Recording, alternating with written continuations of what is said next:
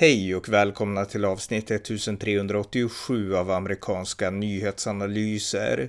En konservativ podcast med mig, Ronny Berggren, som kan stödjas på swishnummer 070-30 28 95 0. Igår var det den 11 september och det har nu gått 20 år sedan terroristattacken mot USA 2001. Här reflekterar jag tillsammans med min kollega John Gustafsson om denna tid och hur västvärlden hanterat det 20 år långa kriget mot terrorismen. Varmt välkomna! John Gustafsson, välkommen! Tack så mycket. Igår så var det ju den 11 september 2021, alltså 20-årsdagen sedan terroristattackerna i USA, när Al-Qaida attackerade USA. Och du och jag har ju hängt med i det här ända från första början och vi ska prata ganska ingående om gårdagen och det som hände igår och även det som hänt under de här 20 åren. Men jag tänkte börja, eh, vad är ditt, dina minnen av den 11 september 2001? Eh, jag var tio år gammal. Jag hade ganska nyss börjat bli intresserad av politik. Jag vet jag, jag var väl... Jag var tio år när jag började bli intresserad politiskt. Eh, alldeles för ungt kan man tycka. Mm. Men, eh, men jag hade... Eh, nej, men jag, hade, jag, hade, jag förstod lite mer om omvärlden än de flesta tioåringar, även om det såklart var... Jag menar, jag hade ett barnsperspektiv på det där. Eh,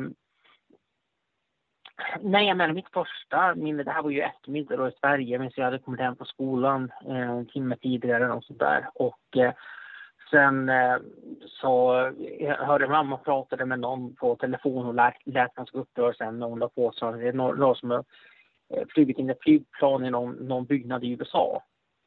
Och eh, jag vet inte om det här kan ha varit så tidigt att man inte, att den andra attacken, alltså det andra flygplanet inte hade skett ännu eller om man bara om bara hade hört om det första. Men jag är ganska säker på att de sa byggnad och inte byggnad där. Så det var en sak som förvirrade mig sen när jag såg på, på, på nyheterna, för det var definitivt två stycken. Så... Eh, nej, men jag, jag minns också att jag satt, eh, satt eh, hela familjen då bank, eh, bänkade i vardagsrummet, pratade om det här och eh, de spekulerade redan då om, om eh, den här Osama bin Laden. Och jag minns bara, att jag sa, så, så, det var ju liksom, vem heter så ungefär? I typ mm. så tio års perspektiv, vilket lustigt namn. Mm. så eh, sen minns jag att eh, dagen efter, så det här dominerade ju på skolan såklart. Och en av de saker vi fick göra då, det var att skriva en eh, uppsats om det som hade hänt. Och jag, jag menar, just då så förstod jag inte riktigt, jag menar, jag förstod inte riktigt var, var, varför, men jag tror att i efterhand så, så tror jag lärarnas tanke var att man, jag menar, att skriva om saker är ett sätt att processa, liksom, någonting man är rädd för, någonting man är upprörd över, liksom det. Så det här liksom det första, jag menar, för det, är, ju totalt improviserat den här. Det är ingenting de kan förbereda sig på att en sån här sak ska hända. Utan det är ungefär, okej okay, vad ska vi säga till ungarna? Ja men skriv ner det du, det du vet ungefär. Eh, det var ju inte liksom, det var ju ingen eh, betygsgrundande uppgift på något vis. Utan, eh, utan det, hela handlade, det hela handlade mest om att de skulle få en uppfattning om ungefär vad vi förstod och om vi var rädda för att det här skulle hända här i Sverige. Ungefär liksom det var intelligence gathering nästan från, från världarnas sida, vilket jag tycker var ganska smart. Eh, Vad skrev du då som tioåring? Minns du det? Jag undrar om den uppsatsen finns kvar någonstans. Och det här det skulle, jag, skulle jag faktiskt vilja, vilja läsa. Eh, men jag minns att jag skrev det nästan som en nyhetsreferat. Det vet jag i alla fall. Det var inget emotionellt. Utan, eh, för jag var, som sagt, jag hade ett samhällsintresse. Eh, och jag hade läst, jag menar, redan på den, när jag var kanske åtta, nio år så började, började jag slå upp saker i Nationalencyklopedin. Mm. Jag hade, jag, jag menar, och jag läste, läste ju dagstidningen varje, varje dag, så jag, menar, jag hade jag hade ändå, liksom, det var lite den stilen jag, jag försökte imitera. Att jag skrev att man befarar att 20 000 människor har dött. Det vet jag att det var bara, bara 3 000. Men då det första den första uppskattningen det var att man visste att det var 20 000 som var där en vanlig dag den tiden. Och man visste inte, man misstänkte att många inte skulle ha, tagit, tagit sig ut. För det var ju så att även när planen träffades så kom inte evakueringsordern omedelbart. Det var många managers som inte ville evakuera sin personal till, till att börja. Det var många som trodde att det här var en vanlig brand eller en vanlig explosion eller många människor som med så att säga frös liksom av situationens allvar. Mm. Eh, nu vet vi att det var inte så många som var först befarat det, men det fanns eh, men då pratade man om 20 000 döda. Det var det, det, var det första liksom, siffran och det vet jag att jag skrev att man befarar 20 000 människor dött. Och, eh, eh, och att USA har lovat hämnd, eh, vet jag skrev också. Eh, så Eh, nej, men jag, skrev, jag skrev ungefär så sakligt som jag menar, en tioåring kan, kan skriva. Jag var inte Ehm, jag var inte rädd för att det här skulle hända i, i, i Sverige. Eh, det, det, vet jag det här var. Eh, för det var, det var också en sån här grej att, eh, jag menar, det var, det var lättare eh, på något vis också förstå att jag, menar, jag hade ju också, jag hade också en stora syster som också var samhällsintresserad som förklarade ungefär att nej, men varför man hade valt de här målen. Ungefär. Jag hade inte hört om World Center eller Pentagon och sådär tidigare, men just det här att ja, man attackerar USAs försvarsmakt, man attackerar liksom symboler för USAs ekonomi och man tänkte attackera eh, eh, alltså, antingen Vita huset eller Kapitolium troligtvis. Alltså mm. militären, ekonomin och politiken ungefär. Men eh, Nej, men som sagt, jag hade, jag hade, barn, jag hade liksom ett brådmoget barns perspektiv på saker och ting. Ja, men det var rätt kul att höra alltså, just barnperspektivet, för jag var lite äldre, jag var 22 måste jag ha varit, eh, 11 september 2001, och jag minns att jag satt på bussen från universitetet i Umeå där jag pluggade då, religionshistoria, jag pluggade kopplingen mellan religion och politik faktiskt. Jag hade läst både religionshistoria och statsvetenskap. Men då satt jag där på bussen på väg hem till Övik, tar ungefär en timme att åka buss. Och eh, då hörde jag, jag satt och lyssnade på hörlurar på musik då liksom. Och eh, sen så tog jag av dem vid ett tillfälle och så hörde jag hastigt på radion i bussen att det hade hänt något stort i USA. Men jag fick bara liksom en kort snabb uppfattning av det, inte exakt liksom vad som hade hänt. Utan, och det här var på en tid när det inte fanns liksom smartphones och det fanns inte mobilt internet. Så att eh, om de inte sa något mer på radion så kunde inte jag veta så mycket mer förrän jag steg av bussen. Så att sen när jag kom hem till Övik så skulle jag åka med pappa från busstationen hem och eh, då hörde vi mer på radion i, i pappas bil då. Och pappa som jobbade på fabrik, han sa att arbetskollegorna, det här, det här är något stort och ja, där pratas det om att ja, USA kommer säkert att ge igen ungefär. Så att det minns jag. Eh, sen kom jag hem då, satte mig vid datorn och eh, ja, kollade på internet såklart som alla andra, olika filmklipp och sådana saker. Och eh, sen så gick jag till min, min granne Eh, och tittade på CNN och där kunde man då se alltså bilderna, filmklippen på flygplanen som flög in i World Trade Center och så. Så vi satt och pratade om det och tittade på det där. Och sen så gick jag hem igen och satt under natten och chattade i olika forum och sådana saker. Och eh, jag såg Bush tal till exempel när han pratade att idag så är eh, våra medborgare och våra friheter under attack i en liksom medveten terroristattack, sa Bush. och sådär. Och ja, eh, det var ungefär det jag gjorde just, just den kvällen då. Sen så fortsatte jag att liksom samla information via internet väldigt mycket eh, och sådär. Och sen så var det universitetsdag dagen därefter igen och då hade man ställt in lektionerna för att prata om det här. Eh, och, och, så. Så att eh, det var väl kort min dag då och mitt minne av den här dagen och jag vart ju väldigt påverkad av det här då såklart.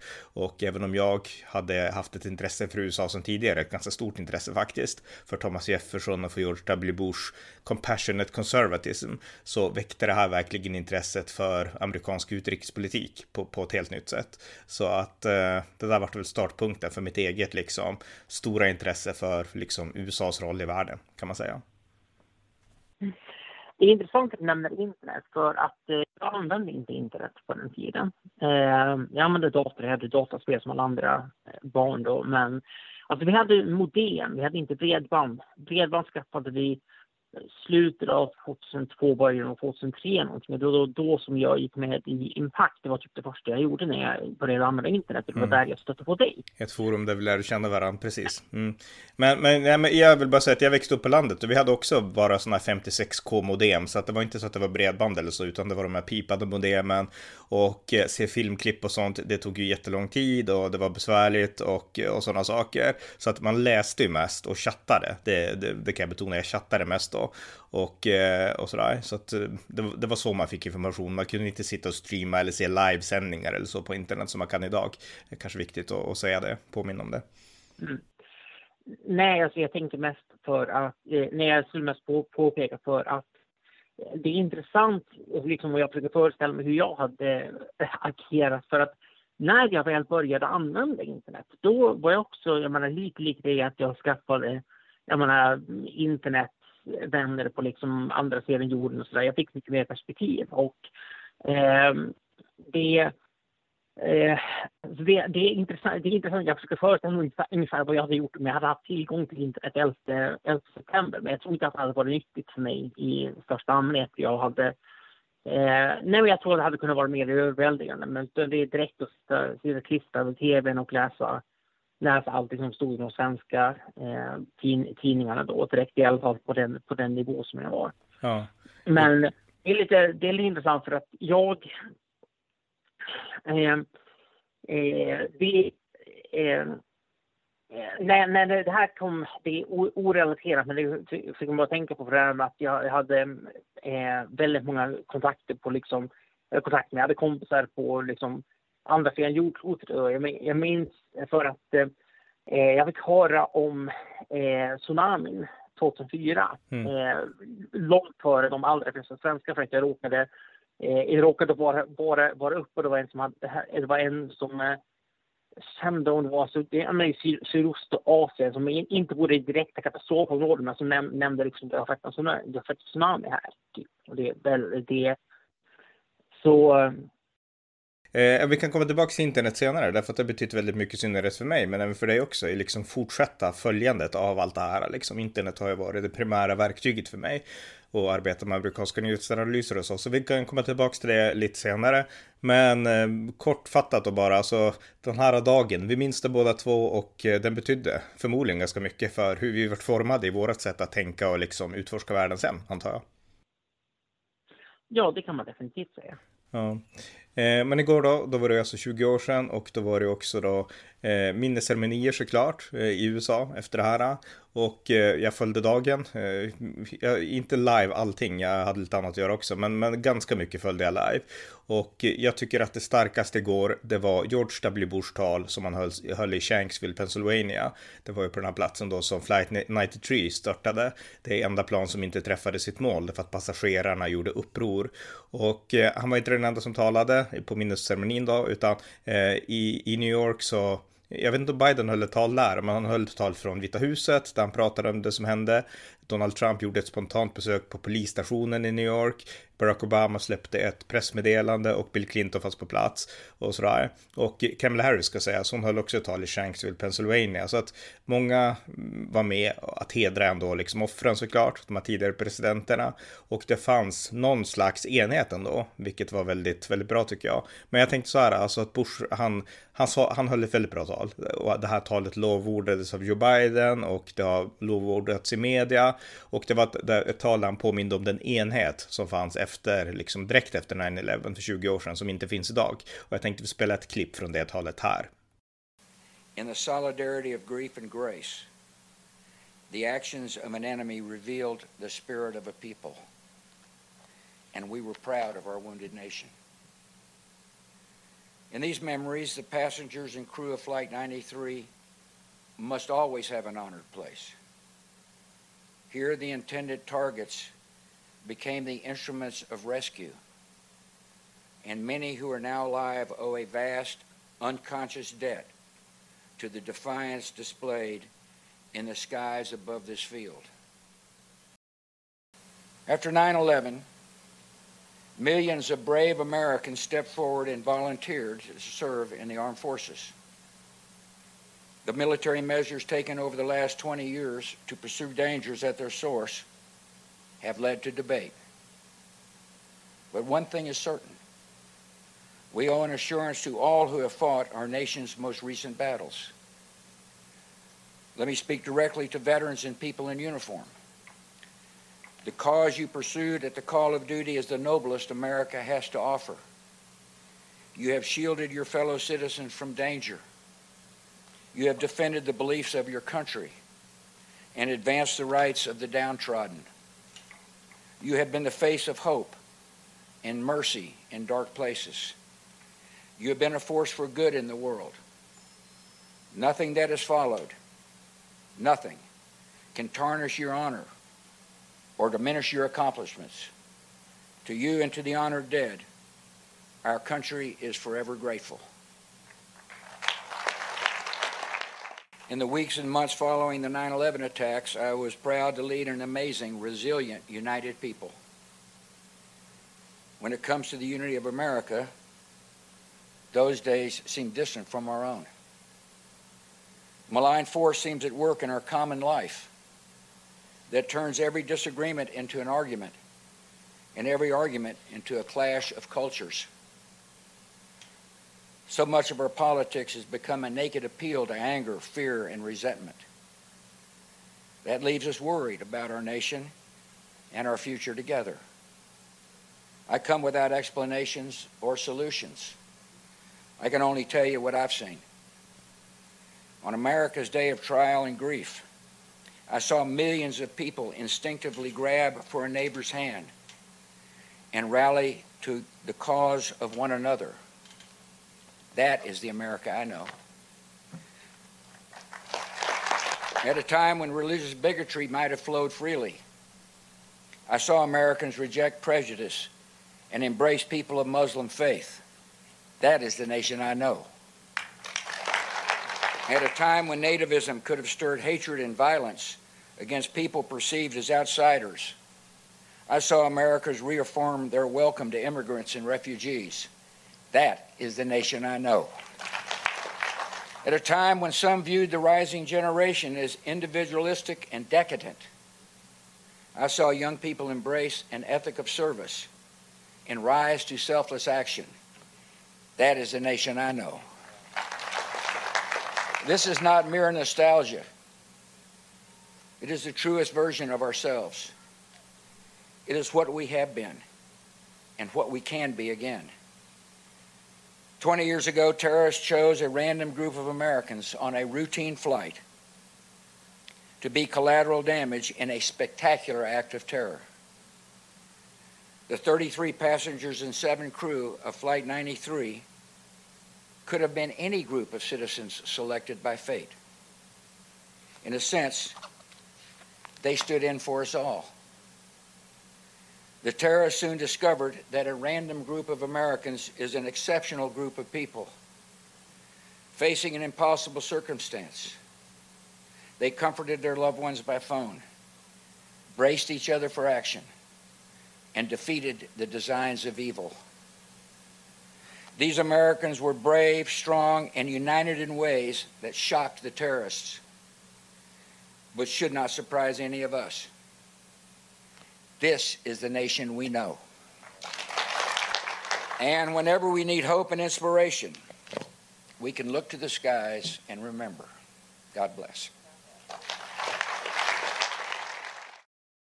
Så det var ett klipp från George W. Bush tal igår, väldigt starkt tal. Eh, och jag vet inte, ha, ha, har du liksom, hann du se någonting igår av liksom sändningarna och sådär? Jag har sett, eh, jag har sett en del, jag har inte sett talet i sin helhet. Men av det jag såg, det var ett väldigt starkt tal. Det, är ju, det här är ju något som... Jag menar, det här, det här är ju något som särskilt för, för Bush är särskilt så att säga inetsat i hans, hans minne och det är ju säkert en... Ja, men det är en dag som, kommer leva, som han kommer leva sig kvar, kvar i resten av livet, mer eller mindre. Mm. och eh, det blir, det blir ju bara så när man är beslutsfattare under en katastrof, att man spenderar, jag menar, jag menar, det är väldigt svårt att gå vidare. Det är väldigt svårt, svårt att, jag menar, man, man funderar på om man kunde ha gjort annorlunda om någonting. Och eh, här blir ju inte heller lättare för morsan. att det finns så många som menar att han kunde ha gjort någonting annorlunda. Vilket jag personligen inte, inte riktigt håller med om. Men... Nej, nej, men det var sagt men, men jag tänkte också, alltså, eh, även, eh, alltså Biden höll ett inte lika bra tal, han är äldre och liksom inte lika bra på att prata alls. Eh, så att det här var ett tal, det här påminde om det 2000-talet egentligen, Bush tal. Så alltså, han, är, han är en oerhört bra talare. Det var många som missade det, men, men det är ett faktum. Men, men eh, Obama släppte ett meddelande sådär. Donald Trump, han besökte polisstationen i New York och han, ja visst, han, han lovordade självklart räddning räddningsarbetarna och det, det, var många som lovordade honom också ska säga sådär. Men, men han var lite mer så här liksom att Biden är dålig, Afghanistan var katastrof och så han betonade inte bara 9-11 utan han liksom han betonade andra saker också och det kan jag tycka var lite synd ändå i det här sammanhanget. Men det, det, är en del, det är en del av som jag har eh, trummat på i typ sex år. Jag menar, det, det är en del av jag menar, det jag, jag menar, eh, det, det som är hans absolut största, svag, största svaghet, det är hans egen personlighet och det är hans egen lynnighet. Det är det här att man, man har ingen känsla för att det finns någonting större än mig och mina personliga konflikter och dispyter med andra människor, utan det, det, liksom, det går aldrig att lägga åt sidan. Det finns inte såklart. Nej, och det gjorde, han, nej, och det gjorde han inte. Utan, för det var synd, för det här, det här talet, för jag tyckte han sa bra saker, Trump. Det är inte så att han skulle säga något dåligt om liksom 9-11, liksom räddningspersonal eller så. Så att det han sa om dem var bra. Men sen att han ändå tog in det här politiska, för Bush gjorde exakt motsatsen. Han sa liksom att jag minns när vi var enade och så vidare. Och så att det var en tydlig kontrast här mellan Bush och Trump som jag tyckte var, var intressant. Men ja, det var, det var lite grann. Jag ska väl också säga att angående den här enigheten, och det här är någonting som eh, men det stämmer att USA var, var enat, men eh, en tråkig aspekt av 11 september, för att jag menar, när, när helst man nämner eh, Bush i liksom, eh, liksom Sverigevänliga, eller vad man ska kalla dem, kretsar, så dyker det upp, ja men han sa fredens religion. Men grejen är att Bush sa det här för att det pågick, alltså det var lynchstämning mot muslimer i USA på många håll. Mm. Och det var alltså, det var, jag menar, det, USA var inte helt enat. Det fanns, jag menar, precis som efter Pearl Harbor-attacken då det var jättemånga japaner som lynchade, så fanns det den stämningen i USA. Där, eh, till exempel det var en, eh, en som nu är eh, professor i, i statsvetenskap som berättade att när hon dök upp dagen efter till föreläsningen på, på, på sitt universitet, alltså en föreläsning i statsvetenskap, så sa professorn åt henne, åt henne att hon bar, hon bar slöja då. Så sa åt henne, du måste gå, här, gå härifrån för liksom andra kommer inte kunna liksom processa sin sorg om det finns en muslim mitt ibland och liksom det blir, det blir för på, påminnelse ungefär. Mm. Vilket är helt absurt. Och jag menar, sådana såna saker skedde faktiskt. Det fanns, jag menar, även om, jag menar, nej jag håller inte med om islam religion, men det fanns ett behov av att säga det just då för att det var det var, det var, det var den, den stämningen som rådde, som rådde i landet. Det fanns ett behov av att betona att kampen är mot terrorismen, inte mot jag menar, en religion och i synnerhet inte emot jag menar, random utvalda amerikanska medborgare som råkar se ut som muslimer. Väldigt många av dem var sikher. Mm, ja, verkligen. Jag tänkte det här, jag håller helt med. Och jag tänkte det här kan vi komma tillbaka till i slutet när vi pratar lite mer om kriget mot terrorismen och så. För jag, jag håller helt med dig här. Eh, och sådär. Men, men, men, så, var det, så var det definitivt. Eh, och, och, så. Eh, men, eh, ja, men, men gällande också, alltså, och enheten också. Vi kan prata mer om den om, om, om en stund sådär. Men jag tänkte också, alltså just en sån här minnesceremoni, eh, liksom den, den bevakas ju också på, på olika sätt och sådär. Vi kan komma in på det om en stund. Men, men hur viktigt är det med sådana ceremonier? Vad med det jag tänkte fråga, tänker du? Alltså att, att nationer samlas och minns en sån här händelse. För jag minns brorsan pratar ofta om att en gång, till slut en dag, så kommer det här att liksom försvinna ur minnet bland människor, precis som Pearl Harbor. Alltså det finns inte så många som eh, liksom minns Pearl Harbor längre, det är väldigt få. Och det är färre och färre som, visst uppmärksammas allt i media, men det är inte så här stor folksamling kring Pearl Harbor längre. Eh, precis som det inte är kring liksom inbördeskriget, för det är ingen som lever som var med då. Så att en dag kommer det här också att på något sätt förtvina i människors minnen, var Bush väldigt tydlig med för länge sedan. Och eh, hur viktigt är det att sådana här ceremonier hålls nu, medan folk fortfarande lever och, och sådana saker? Jag tycker, det, jag tycker att det är, det är väldigt viktigt och det är... Nej, alltså man kan ta... Det handlar, inte, det, det handlar helt enkelt om att man kan ta Eh, man kan ta en dag om, om året och faktiskt, jag menar, komma åter ungefär som, som en nation. Det tycker jag är viktigt i sig själv. Mm. Och eh, eh, sen, sen, sen ska vi säga att jag menar, jo, jag menar, Bush har rätt tyvärr i att det här kommer förr eller senare att, att jag menar, jag menar nu så, nu för att ha varit vuxen eh, som måste, under 11 september-attacken, alltså inte bara barn med barns perspektiv som jag, som jag har, så måste det vara närmare 40 år idag. Mm. Så jag menar, förr eller senare så kommer, jag menar, så kommer det här att gå, gå ur tiden. Och, eh, eh och eh, men samtidigt skulle jag säga att det finns en, jag menar, en viktig skillnad jag menar, jämfört med Pearl Harbor. Det är att Pearl Harbor jag menar, även om det var fegt så var det faktiskt en militär attack. Jag menar, det var en militär attack mot en militär hamn. Jag menar, sen rökte med, strök det med vissa civila ändå, men det var inte, det var inte samma liksom, nej, det var, det var inte på, på, på, det var inte terrorism helt enkelt. Och eh, det var också betydligt färre personer som såg Pearl Harbor-attacken när, när det var de som utstationerade eller som råkade vara där på, på Hawaii just då. Eh, och det fanns inte massmedia på samma sätt så att det etsade sig in på det viset. Det finns inte många bilder från, jag menar, det finns bilder direkt efter Pearl Harbor-attacken, men det är inte, det är inte så att allting fastnade på live-tv liksom 1941. Så var det ju inte. Eh, så jag menar, det finns förutsättningar för eh, Eh, för 11 september att leva vidare på ett annat sätt än Pearl Harbor eh, av, många, av många skäl. Och det andra som jag ska säga, det är att rent kulturellt så är det mer acceptabelt att diskutera liksom trauman på ett annat sätt än det var på 1940 och 1950-talet. Även om du hade varit till exempel en civil person på Hawaii eh, 1941 och du hade förlorat din pappa eller no någonting i Pearl Harbor.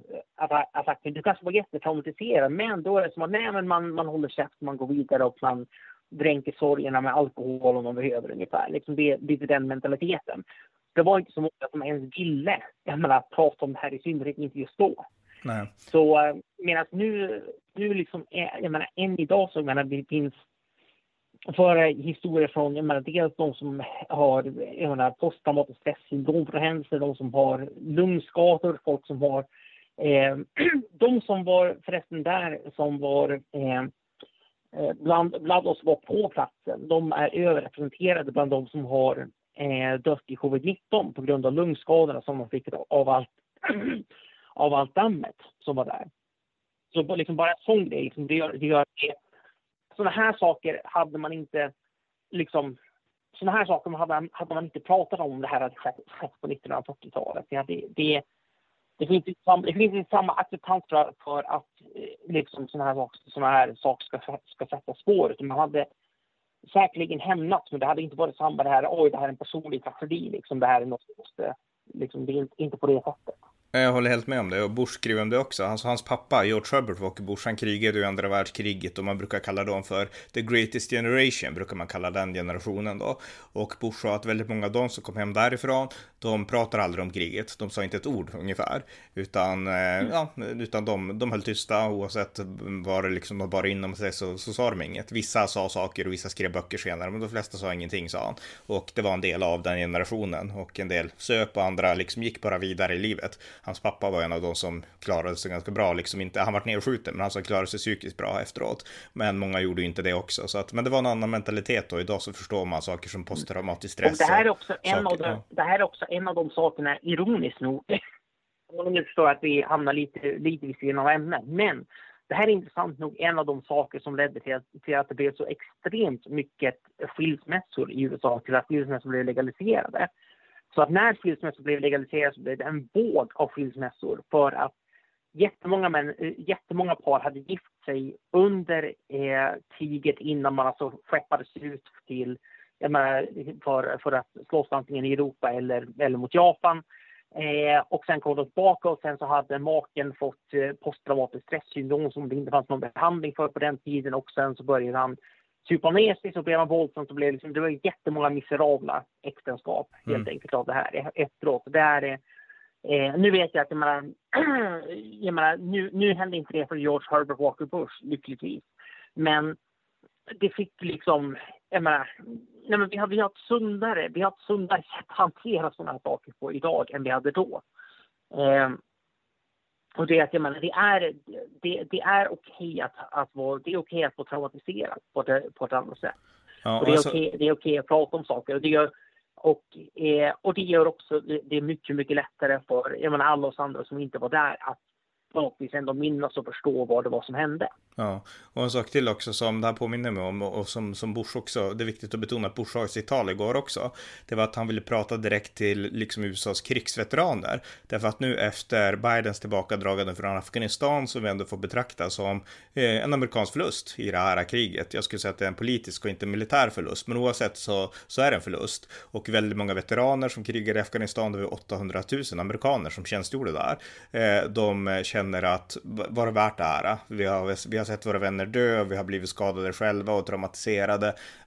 Vad gav det att, att vi tjänstgjorde? Det är en fråga som jättemånga har ställt sig och vissa är arga och vill åka tillbaka och kriga mot talibanerna igen och sådana saker. Jag har satt mig in i det här ganska bra och Bush släppte ett meddelande för länge sedan, där här, eller för någon vecka sedan, när han skrev att ni är hjältar och ni har liksom gjort, gjort det jättebra och, eh, och igår i sitt tal så var han också tydlig med att betona det att liksom oavsett allt så kom ihåg att ni, ni, ni har stått för det goda, ni har liksom gjort er plikt, ni har liksom skyddat nationen och ni kan vara stolta oavsett vad som än händer och vad som än händer härifrån så kan ni vara stolta över det ni gjorde och ni är det bästa i vår nation, sådana som er, Bush. Så att han hade ett väldigt tydligt budskap just till krigsveteranerna, att de var bra och så här och jag tyckte att det var jättestarkt, just den passagen av Bush tal, därför att det är bara Bush som verkligen har betonat liksom veteranernas betydelse på det sätt som han gör. Så att det, det var liksom också ja. ett sätt att hela... Och är också väldigt viktigt och det är också väldigt viktigt att betona att även om Afghanistan blev nationsbyggande så var det första handlat om att ta fast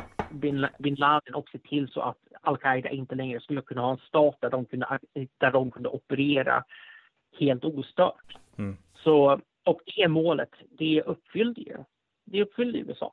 Ja. Jag menar, det, det är liksom, sen, jag menar, att bygga upp en demokratisk nation där, det är krångligare. Men just det här att flytta kriget från nu har de börjat attackera oss i vårt hemland. Nu ska vi flytta, flytta kriget till deras hemmaplan. Vi ska tvinga dem på rätt sida. Vi ska tvinga dem att försvara sig. Det var det som det tidiga kriget mot terrorismen handlade om. Mm. Precis. Ja, men det var lite om det och minnesceremonin. Jag tänkte vi skulle prata lite grann också om SVTs sändning igår. Eh, 2010 så var det, 2011 så var det ju tioårsminne av 9-11 och då sände man hela dagen på SVT och det var någonting som jag, jag skrev ett långt blogginlägg om det. Där jag gick igenom dagen steg för steg och kritiserade det skarpt för tio år sedan då. Och min kritik då, det var att de inte hade någon som representerade Bush sida. Sändningen igår, den var lite mer eh, nedtonad. Det rörde sig om, jag tror att det var tre eh, tre, tre, gånger tre timmars inslag. Det var inte en heldagssändning på typ tio timmar som det var för tio år sedan, utan lite kortare och mer koncis nu. Men det var samma problem tycker jag som såg de här sändningarna, eh, nämligen att Bush perspektiv eh, fanns inte. Så att man pratade om kriget mot terrorn utifrån med experter som hade andra perspektiv, men Bush-administrationens egen syn på sin egen politik presenterades aldrig. Och det brukar vara symptomatiskt nästan när det kommer till svensk media. Och i synnerhet när det handlade om Bush så var det så. Och eh, jag tycker att det är synd att det var så. De pratade väldigt mycket om, om, liksom, om allt från populärkultur till krig mot terrorismen och övervakning och så. Men det fanns inte Bush perspektiv och eh, det tyckte jag var synd med den här sändningen. Jag har det perspektivet dock och har skrivit egentligen djupa texter om allt som rör det de pratade om igår. Allt från film till förhörsmetoderna till Guantanamo till Irakkriget och till ja, allt möjligt där. Och de hade en, även en av mina lärare, Mohammed Farsel Hashemi, som var där och skulle prata om liksom krig mot terrorismen och han är en otroligt partisk person och eh, en person som har eh, ja, vad ska man säga, skönmålat islamism på många problematiska sätt. Och eh, han talade om att Bush ställde upp världen i liksom gott och ont och så vidare. Och så var det ju inte, det vet du, du och jag om. Men eh, ja, ja, SVTs sändning var undermålig, det är väl bara det jag vill säga. Men om vi går vidare, du och jag pratar lite grann då som sista punkt, övergripande om själva kriget mot terrorismen. Alltså det har ju pågått i 20 år nu och om man nu vill säga att, eh, jag tror att det kommer fortsätta, men om vi säger att kriget 2.0, det är framtiden, så var 11 september 2001 och Kabuls fall egentligen om vi nu ska avrunda enkelt, september 2021. Det var liksom kriget mot terrorismen 1.0, de är 20 åren då. Eh, ja, vad har du för övergripande tankar och sådär om, om de här 20 åren? För du har hängt med precis som jag i, i den här tiden.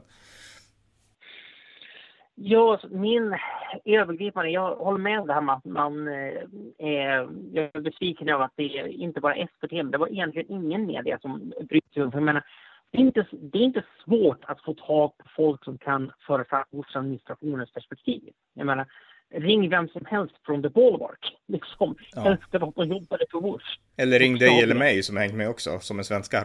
ja, alltså jag, var lite, jag var lite förvånad över att du inte blev intervjuad faktiskt. Men eh, de hade väl det lite, lite trångare åsiktskorridor kanske i september. Så eh, du fick väl inte plats. Ja, det, Men, kan, det eh, kan också vara så, bara för att ge dem lite släk här. Jag ska vara med på tisdag och prata om Guantanamo på SVT, bör sägas, men det är bara en liten del av det hela. Det här är ju verkligen mitt huvudämne. Jag antar att du, tänk, jag antar att du tänker lansera din idé om ett svenskt Guantanamo på Gotska Sandön. Lite så, fast inte på Gotska Sandön, det har jag inte sagt något om. Varför inte på Gotska Sandön? Det är typ den enda obebodda platsen vi har här. Och så kan man kalla det Gotmo istället för Gitmo, som det kallas i USA. Det vore ju för kul då. Men, ja. Det blir, blir en jättebra cast. Ja, du, du, får se vad jag säger, men det kommer nästa vecka i alla fall. Men det jag vill säga är att de visste förmodligen inte, alltså det är inte, alla har väl lite koll på mig, men alltså hur oerhört inne jag är i det här krig mot terrorismen liksom och Bush och så. Så att jag tror inte att de visste det, men sak samma. Men hur som helst då, krig mot terrorn, alltså dina reflektioner mer. Nej, det är sant att media har, de fick inte Bush perspektiv, men om vi pratar mer övergripande om politiken, storpolitiken och så och, och reflektioner och sådär. Vi kan börja med eh, islam som fredens religion. Du var inne på det tidigare, att det här är ju någonting som eh, Bush fick kritik för, att han sa så. Och den kritiken kom ju intressant nog från högern. Det var högerns kritik, den här, ah, idag skulle vi kalla det för alt-right-högern, men ja, man kan kalla det för den kontrajihadistiska högern, man kan kalla den för liksom den konservativa högern kanske. Och då menar du, nej men det där är ju fel teologiskt liksom, varför skulle islam vara en fredens religion? Och eh, du var inne på att han sa så helt enkelt för att han ville inte att muslimer i USA skulle bli behandlade på samma sätt som japaner blev i USA under andra världskriget. Och jag tycker Bush gjorde helt rätt.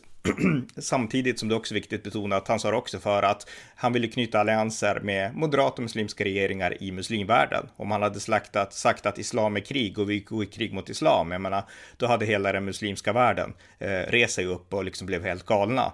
Eh, jag menar, minns bara Mohammed-karikatyrerna, vad som hände då liksom. Så att man kan inte säga så liksom, om man är en seriös global politisk ledare. Sen rent teologiskt så är det ju så här, jag skrev en bok om det här som heter Västvärldens möte med militant islam, att islam är inte fredlig fredligt på samma sätt som kristendomen, rent teologiskt. Men det är viktigt att betona att Bush hymlade inte med att islamisterna, eller jihadisterna rättare sagt, al-Qaida och senare Islamiska staten då, att, att de var muslimer och att de kall, liksom, liksom ville bygga ett islamiskt imperium, att de hänvisade till koranverser och sånt. Det var inget Bush hymlade med. Jag menar, Barack Obama som kom senare, han ville aldrig prata om militant islam, utan han pratade om våldsradikal bejakande extremism och den är farlig oavsett vem som driver den, oavsett om det är muslimer eller kristna. Det var Obamas inställning. Det var inte Bush inställning, utan Bush var tydlig med att det här är radikala islamister och vi ska besegra dem. Han sa till och med islam och fascister sa han.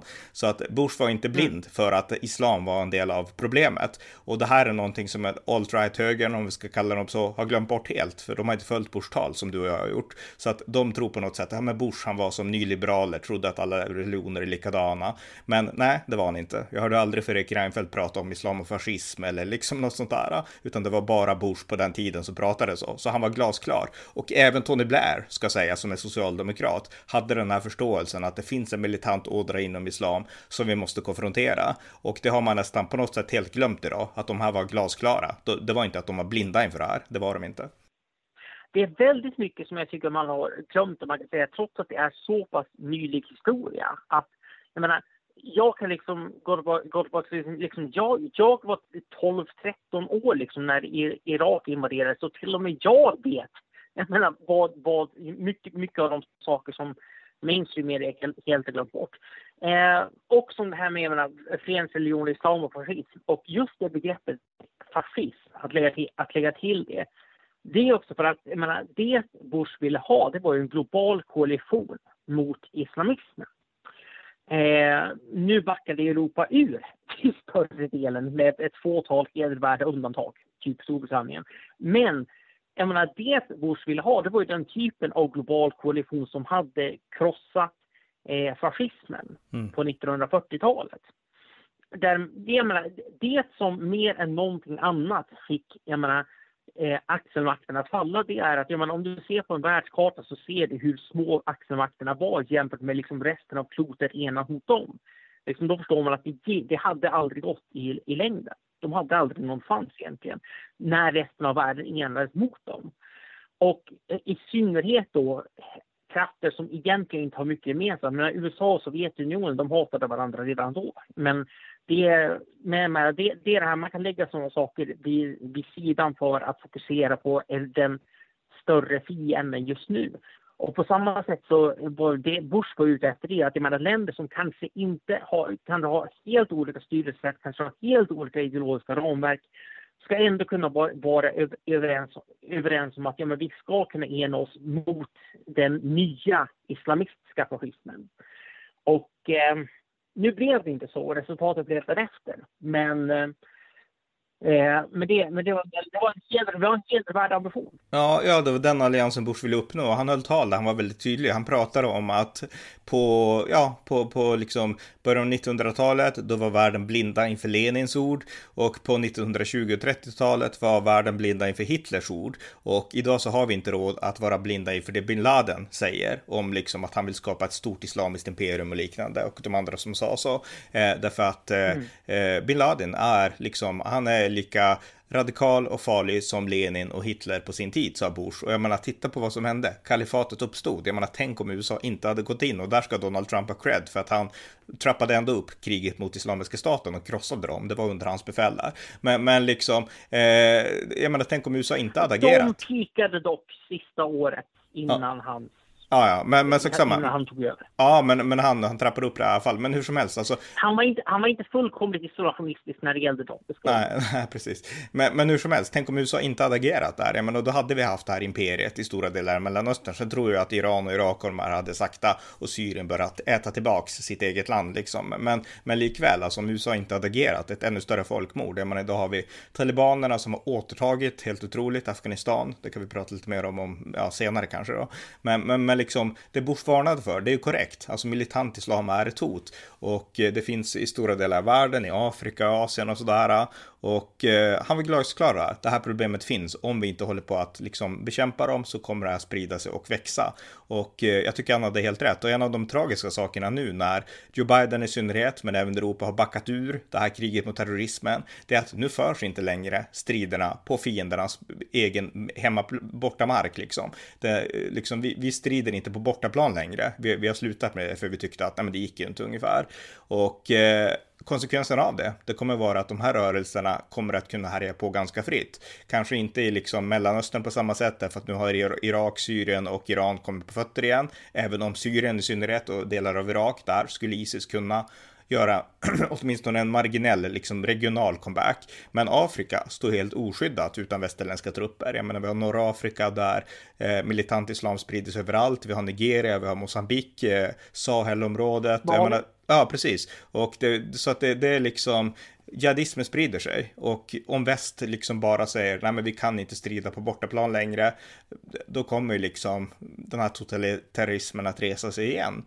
Och det är liksom en av de allvarliga konsekvenserna av att man överger Bush idé om att strida på bortaplan. Och framför allt så är det det att man pratar om att äh, vi ska inte ha endless wars, ändlösa krig. Mm. Men, det, det, det, är vänster, det, är vänster, det är vänsterns och högerns kritik. Det är det vänstern och alt-right-högern. Mm. Okej. Okay. Eh, men, grejen, men grejen är det här med att vadå, vi ska inte ändlösa krig. Så länge fienden attackerar oss, då är vi i krig. Alternativet är kapitulering. Okej? Okay? Det är liksom, när du blir attackerad, och det är de som attackerat oss, inte vi som attackerat dem. Mm. När du blir attackerad så kommer du antingen kämpa tillbaka tills du har vunnit eller tills, jag menar, det, jag menar, du kan inte sätta en deadline för en sån här, för en sån här grej. Du får helt enkelt acceptera att om det här är det här århundradets stora hot.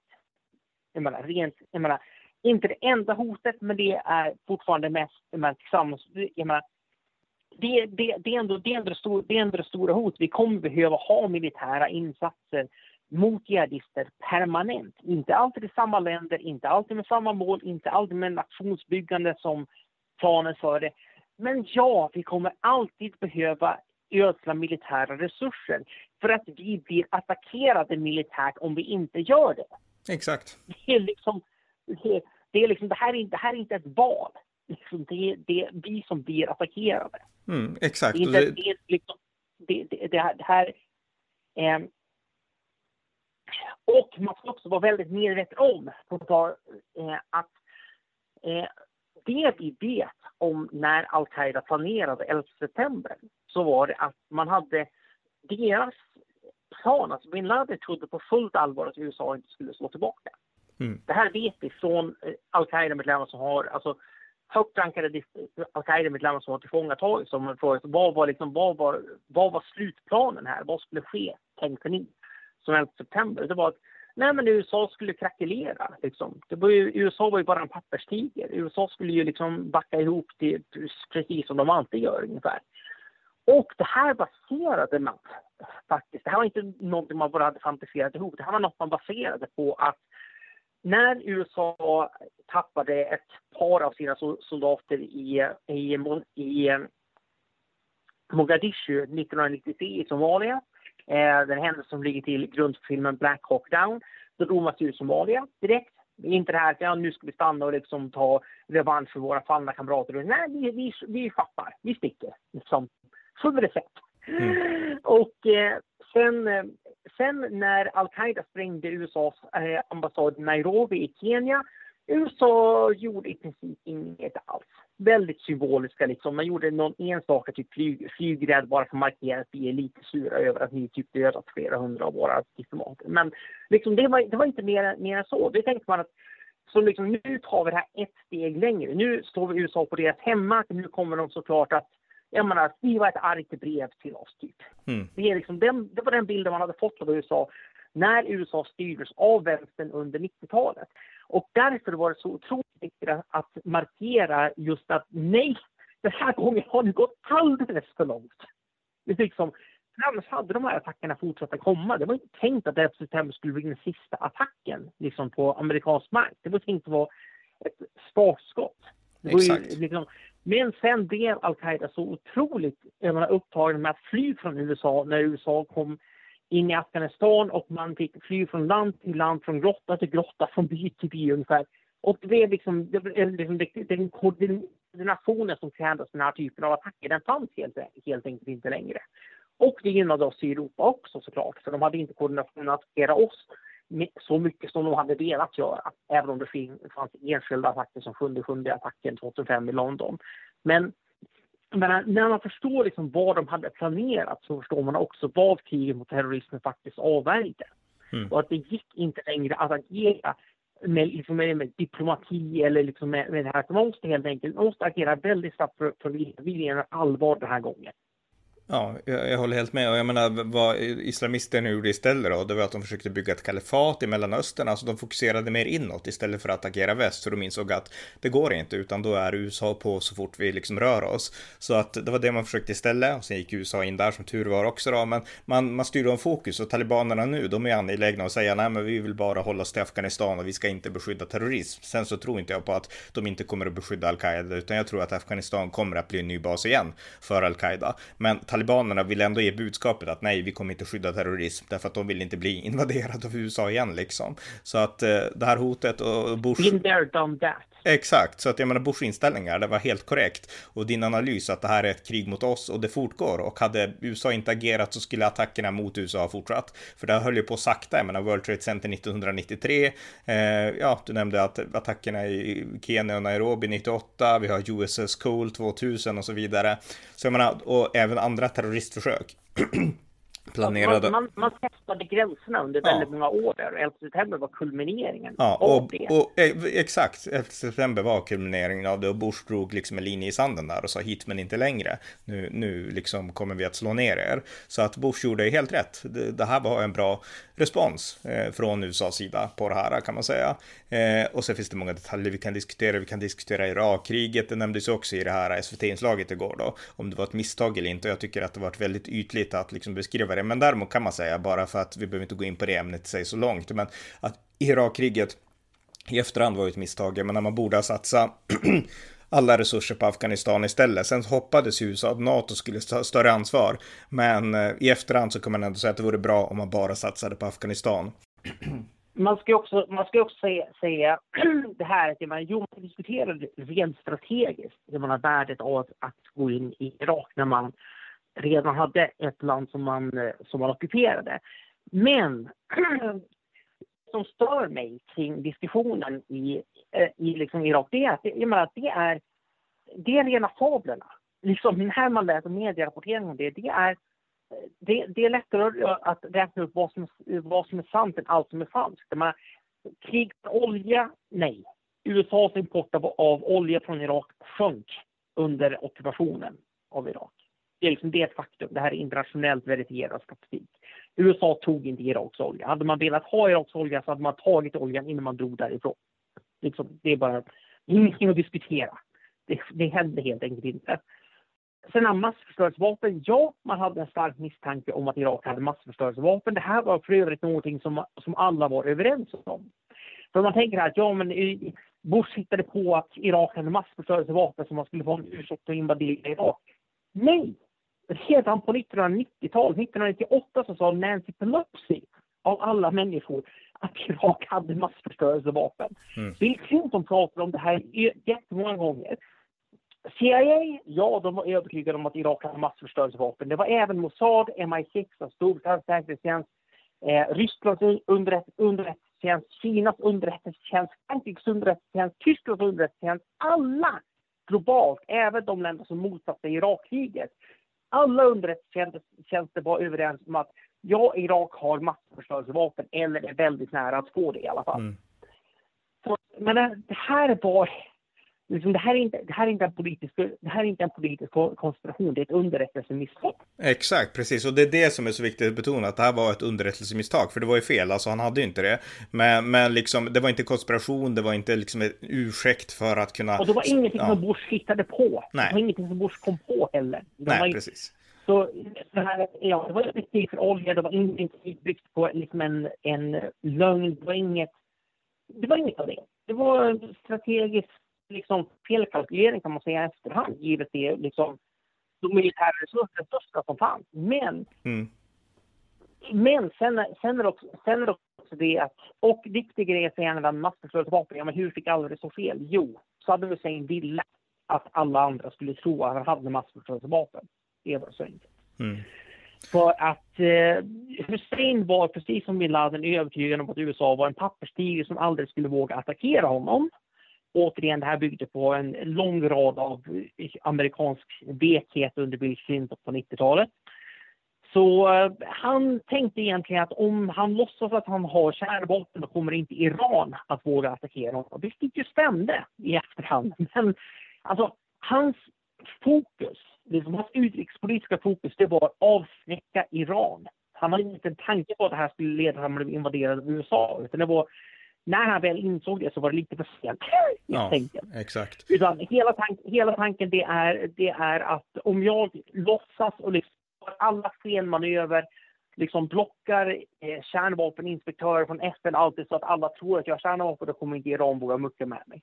Det var, det var hela det var hela ja, ja, vi behöver inte gå så djupt på Irakkriget mer än att säga liksom att, att det är viktigt att motverka de här enkla förklaringarna till det här kriget. För det blir väldigt enkelt och konspiratoriskt medan det finns faktiska orsaker till att fel begicks och fel begicks. Men, men det berodde inte på massa så här cyniska konspirationer i bakgrunden. Det, det är bara det som är viktigt att betona. Då. Fel begicks, men felet, men felet var, och det här är något som jag menar jag har skrivit om och du har skrivit om, men fel begicks under själva ockupationen. Mm. Men just själva invasionen och de första månaderna egentligen gick väldigt, väldigt bra. Men sedan, jag menar, ett stort problem som demokratiska länder har när de krigar mot jag menar, diktaturer eller krigar mot liksom, totalitära, liksom, religiösa, liksom, sekt, liknande krafter, det är att i demokrati så måste man ha folket bakom sig för att kunna föra krig. Och det gör att fienden kan ta en strategi att ja, men vi bara vi behöver inte vinna, vi behöver bara trötta ut dem tills allmänheten i liksom det attackerar oss blir trötta på att det är krig och då kommer de dra sig ur ändå, även om de jag menar, fortfarande vinner rent militäriskt. Mm. Och det här är ju något som jag menar, USA upplevde det här första gången under Vietnamkriget. USA förlorade inte Vietnamkriget militärt. Men det hände inte. Det var bara det att det politiska tålamodet tog slut. Mm. Och eh, det, det, här är något som, jag menar, eh, jag menar, man kan säga så här, jag menar, Bush var extremt populär just efter det 11 september. Han hade 90 procent eh, av amerikanerna tyckte att han gjorde ett bra jobb när det var som allra högst.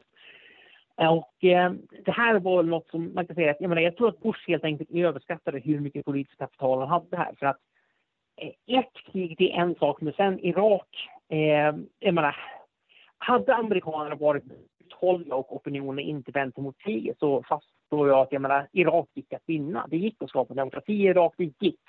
Jag menar, allt det här, inget av det här med Isis och det som har hänt de senaste tio åren, inget av det hade behövt att hända. Men i en demokrati så, ja, då är det folket som måste godkänna att man att, att, man, att man går i krig. Ja, men det, Liksom viktiga, det viktiga är då, bara för att skjuta in då, alltså det var ju så här att Bush besegrade al-Qaida i Irak som blev ISIS sen, alltså de besegrades när Bush var president. Sen så drog Barack Obama Ja. ur styrkorna från Irak 2010 med motiveringen att nu är det fred här liksom. Och det var då som al-Qaida i Irak som hade flytt till Syrien återvände under namnet Islamiska staten. Och det hade inte kunnat gått om Obama bara hade lämnat kvar några tusen trupper. Så att eh, han gjorde egentligen samma misstag som Biden gjorde nu i Afghanistan. Så att det är ju demokraterna som har förlorat liksom slagen i både Irak och Afghanistan. Det, är- det är ett faktum liksom. Hade John McCain Och tagit över... demokrat, det var även demokraterna som förlorade Vietnam. Ja, bra poäng. Väl, väldigt bra poäng. liksom- Helt, helt, helt korrekt. Och det är därifrån termen cut and run democrats kommer. Sydvietnam och lät, lät kommunisterna ta, ta över med, åt, med åtföljande massakrer, folk, folkmord, omskolningsläger och, och så vidare till följd. Det här är lite demokraternas melodi, om man Ja. säger så. Det går, det går ett tema genom historien. Exakt, och det är viktigt att betona. Så det är Demokraterna som är förlorare. Hade John McCain vunnit över Obama 2008 så hade Islamiska staten aldrig rest sig. Hade Republikanerna värnat sin inställning till Afghanistan så hade talibanerna inte gjort comeback. Det här är liksom den klassiska förståelsen av republikansk utrikespolitik, den förståelse som du och jag har. Och jag tänkte ska avrunda det här pratet med att diskutera lite grann hur högern och vänstern, men kanske framförallt högern, diskuterar de här sakerna idag. För jag är väldigt bekymrad när jag läser liksom högerskribenter i Sverige eh, som, som liksom helt nu avfärdar kriget med terrorismen på samma sätt som vänstern gjorde i princip. Att det här funkade inte och de har sin Jag kultur. tycker att det är går- intressant Mm. att människor, jag, jag tycker att det är väldigt intressant att människor som annars aldrig tror på media, liksom, länkar man till Aftonbladet så avfärdar de det direkt utan att ens läsa. Liksom. De tror aldrig på media, i synnerhet inte när de beskriver, beskriver en, en jag menar, Trump som var republikansk president eh, av USA. Men de tror på allt media sa om George W. Bush, Mm. som också var republikansk president i USA. De tror på Och det är SVT, lite de tror på SVTs 9-11 sändning igår liksom. ja. Ja, precis. Det är liksom, det är liksom eh, tillämpa lite källkritik även om ämnet inte är tack. Det är, men det här visar också att väldigt många, jag menar, nästan allihop skulle jag säga, av jag menar, svenska trumpister, som om vi ska kalla dem det, eh, de har hängt med i USA sedan 2016 eller 2015, alltså när Trumps kampanj började egentligen. Då blev de intresserade. Och det är därför de inte förstår att, jag menar det här med att bomba republikanska kandidater med, jag menar, med liksom osaklig kritik. Det här är något svensk media har hållit på med så länge svensk media har funnits. Mm. Det, det var inget de började med under Trump. Det, ehm, Det började under Nixon kan jag säga, sen fortsatte det därefter. Ja, Nixon, det var ju också i samma typ med 68 vänstern och deras intåg. Det var ungefär samma tidsperiod. Så jo, Mm. det, det stämmer. Nixon är för övrigt inte heller lika dum som man framställer honom. Nej, verkligen inte. Ja, Nej, Nixon, det, det var, nej, på tal om krig mot terrorismen och så, så Daniel Hannan då, våran, en av våra favoritpolitiker från Storbritannien, han höll ett tal inför, ja, det brittiska parlamentet om Afghanistan och han sa så här att eh, vi kan nog på sikt, han, han, han är ju väldigt resonerande, så att han, han resonerade först ett tag och sen sa han att på sikt så kan vi nog kanske komma fram till att det här eh, Eh, ja, nu har vi gjort så här, men det liksom konsekvenserna kanske kan bli, bli, kanske kommer att bli ännu värre ungefär. Det var det han sa och då citerade han Nixon och sa han att Nixon hade helt rätt när han analyserade liksom vad konsekvenserna blir om vi liksom bara lämnar världen. Så att eh, ja, Nixon var underskattad. Jag håller med om det, men det, men det är ett annat ämne lite grann. Ja. Men eh, nej, när, man alltså, nej, man alltså grej, grejen är det att svensk media håller på vänstern. Om sen republikaner, om om sen den republikanska presidenten heter jag menar, Donald Trump eller om det heter George Bush eller George Herbert Walker Bush eller Reagan eller vad det heter, det spelar liksom ingen större roll Ja. i sammanhanget. Så att, jag menar, det, eh, och det är det jag tycker som eh, Eh, för att det här blir också lite av jag menar, ett historielöst republikanskt parti när man måste, jag menar, för att, jag menar, jag menar en, en, av de, en, av de, en av de saker som, jag kan göra en lång lista över saker som störde mig med Trump, men en av de tidigare sakerna, det var ju att han kallade faktiskt Bush för en krigsbrottsling. Mm. Eller han antydde det väldigt starkt. Och det är som att, jag menar, om du ska föreslå ett etablissemang och sen köper du våra vänsternarrativ sådär. Nej, jag, jag köper inte det där riktigt. Nej. Det är that, that, that's no for me. Mm. Nej, precis. Men, men jag tänkte vi för tillbaks till ja, högerns diskussion här i Sverige då, därför att vi har fått eh, de, de röster som nu pratar för att det här var ett misstag att lämna Afghanistan. Det är, det finns Tories i Storbritannien som är kritiska till det som har skett tydligt och det finns republikaner i USA som till och med börjar prata om att vi kanske måste invadera Afghanistan igen för det här kommer inte bli bra. Och jag är helt inne på det spåret. Medan i Europa så inser man att i de här icke-anglosaxiska länderna, då har man tagit in, intagit en mycket mer defatistisk inställning och tyckt att det här funkar inte och liksom de har sina kulturer, vi har våran, det går inte att nationsbygga. Jag skulle säga att det är helt fel. Alltså de här misslyckandena vi har sett. Det är helt fel och här är, här är också väldigt viktigt, för vi nämnde Pearl Harbor tidigare. Jag menar, hur historielös kan man vara om man säger att det inte går att bygga nationer genom krig? Vad exakt är det ni inbillar er att Tyskland är för någonting? Mm. 1945 totalt bombat, fem år senare fungerande demokrati. Mm. Det man menar då det är att islam är en helt annan kultur och sådana saker. Jag skulle säga så här att... Jag skulle säga så här att den islamska kulturen må vara demokratifientlig men den är inte mer demokratifientlig än var. liksom, allt, jag menar, man gick från allsmäktig kejsare som anses dessutom vara, vara i princip en gud 1945 till demokrati tio år senare. Ja, i Japan precis. Men den... Krävdes bara få atombomber. Mm, jo, precis. Sen så är det går det inte... Går att få, få, det, det, går att skapa väldigt stora kulturella förändringar om de, om de incitamenten är de rätta så att säga. Ja, men sen det viktiga att betona det är att det finns inga likheter mellan japansk shintoism och islam. Islam är den mest problematiska religionen och kulturen, det är jag helt övertygad om. Så att det finns inga likheter där, så det är mycket svårare i den islamiska världen ska sägas. Och målen måste vara annorlunda, men hela poängen är att i Afghanistan så lyckades USA med några viktiga saker. Alltså Afghanistan skulle aldrig kunna bli ett lika bra nationsbygge som Japan, det tror jag inte. Men däremot så lyckades man i Afghanistan göra några saker. Man lyckades införa demokrati, vilket är en ganska viktig grej och man lyckades ge kvinnor rättigheter som de inte hade under talibanerna, rättigheter inom en islamisk kultur. Alltså USAs nationsbygge, det var ju inte kolonialism, utan det var ju att i Japan så ville man till exempel bygga en Japanese style democracy. Det var därför man lät kejsaren vara kvar, alltså man ockuperade Japan. Det var ett amerikanskt militärstyre där under några år och man liksom påtvingade Japan en amerikansk inspirerad konstitution och liknande. Men man lät fortfarande Japan behålla sin kultur, behålla sin kejsare och vara totalt japanskt. Eh, Eh, och sådär. Så att det, det var en respekt för deras kultur. Och på samma sätt var det i Afghanistan och även Irak. Men Afghanistan är mer intressant att diskutera därför att där byggde man verkligen från grunden. Det gjorde man inte alls i Irak på det sättet. Så att jag menar Afghanistan, där så sa man att ni är muslimska, ni får ha en islamisk republik och vi kräver inte att ni liksom ska liksom ändra er, men vi vill att ni ska respektera individuell frihet.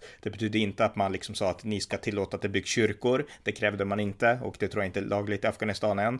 Men, men däremot så ska ni, ni måste måste behandla kvinnor jämlikt och sådana saker och utifrån er egen kultur ändå liksom anpassa er till våran syn på demokrati och liksom kvinnors rättigheter och så. Det krävde man och det lyckades man med. Och det är det här som liksom de som diskuterar det kan aldrig gå. Det är där de har fel. Därför att talibanerna nu, det är inte en konsekvens av att den afghanska kulturen reste sig mot det USA gjorde de här 20 åren. Så är det liksom inte. Utan det är en invasion av en radikal rörelse som hade kunnat stoppas militärt om väst hade orken. Och det var ju den som de tappade på grund av Demokraterna och de vänsterliberala. Så att de här som bara hoppar liksom vidare och betraktar den här förlusten som en liksom bristande kulturell analysförmåga, de har fel, anser jag.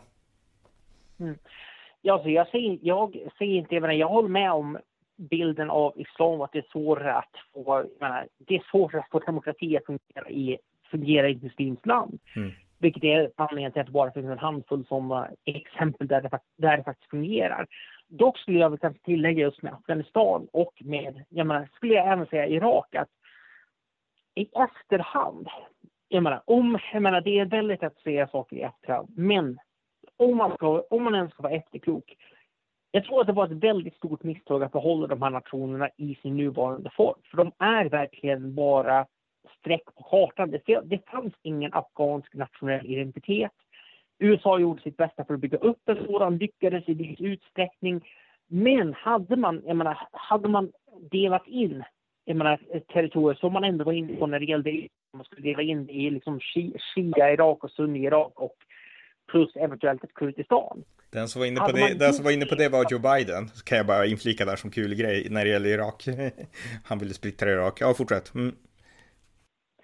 Men hade man, hade man gjort det istället för att försöka, försöka få alla samtal kring en central regering så tror jag egentligen att det hade varit, det hade varit lättare i efterhand istället för att försöka skapa identiteter som inte, som inte finns i brist på bättre ord. Mm. Så det får vi förmodligen aldrig veta, men det eh, och det var inte bara Biden som var inne på det där förresten. Men, eh, nej, men, nej, vi, det, får, det får förmodligen aldrig veta, men jag tror att men om man tror på nationalstaten så förefaller mig ganska logiskt att när man tar över ett territorium, om man, om man, om man helt enkelt försöker skapa liksom, menar, nationalstat som skulle, kunna vara, som skulle kunna vara naturliga och inte består av grupper som har totala motsättningar mot varandra. Mm. Men eh, ja, nu får vi aldrig veta mer. Men jag skulle väl, om jag skulle liksom avsluta det här, det är att jag menar, till de som säger att vi inte ska föra e- ändlöst krig. Så här är det bara. Alla som förstår någonting om radikal islam förstår att de för ett ändlöst evigt krig mot oss. Det kommer de alltid att göra. Frågan är bara om vi ska slå tillbaka eller inte.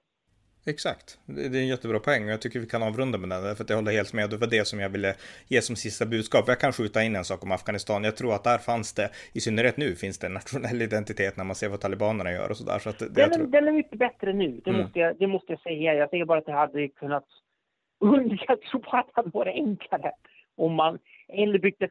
Ja, men det, men det, men det, det, det är hypotetiska diskussioner. Ja, det är en annan diskussion. Går man in igen då kanske enheten finns. Men i alla fall då, alltså jag håller helt med och vi avslutar med det. Alltså att det här hotet kvarstår. Alltså hotet från militant islam, det är inte borta. Det kommer inte försvinna för att vi lämnar Kabul eller begraver huvudet i sanden. Utan islamisterna vill skapa ett kalifat. De vill bygga ett islamiskt imperium och deras teologi handlar om att de vill lägga hela världen under islam. Och det kommer inte att ske i praktiken såklart. Kina kommer inte att lägga sig platt för islam. Ryssland kommer inte att göra det. Men frågan är, kommer Europa göra det? Kommer vi liksom, är vi beredda att ta striden? Vi har nu visat tydligt att vi är inte beredda att ta striden på deras front.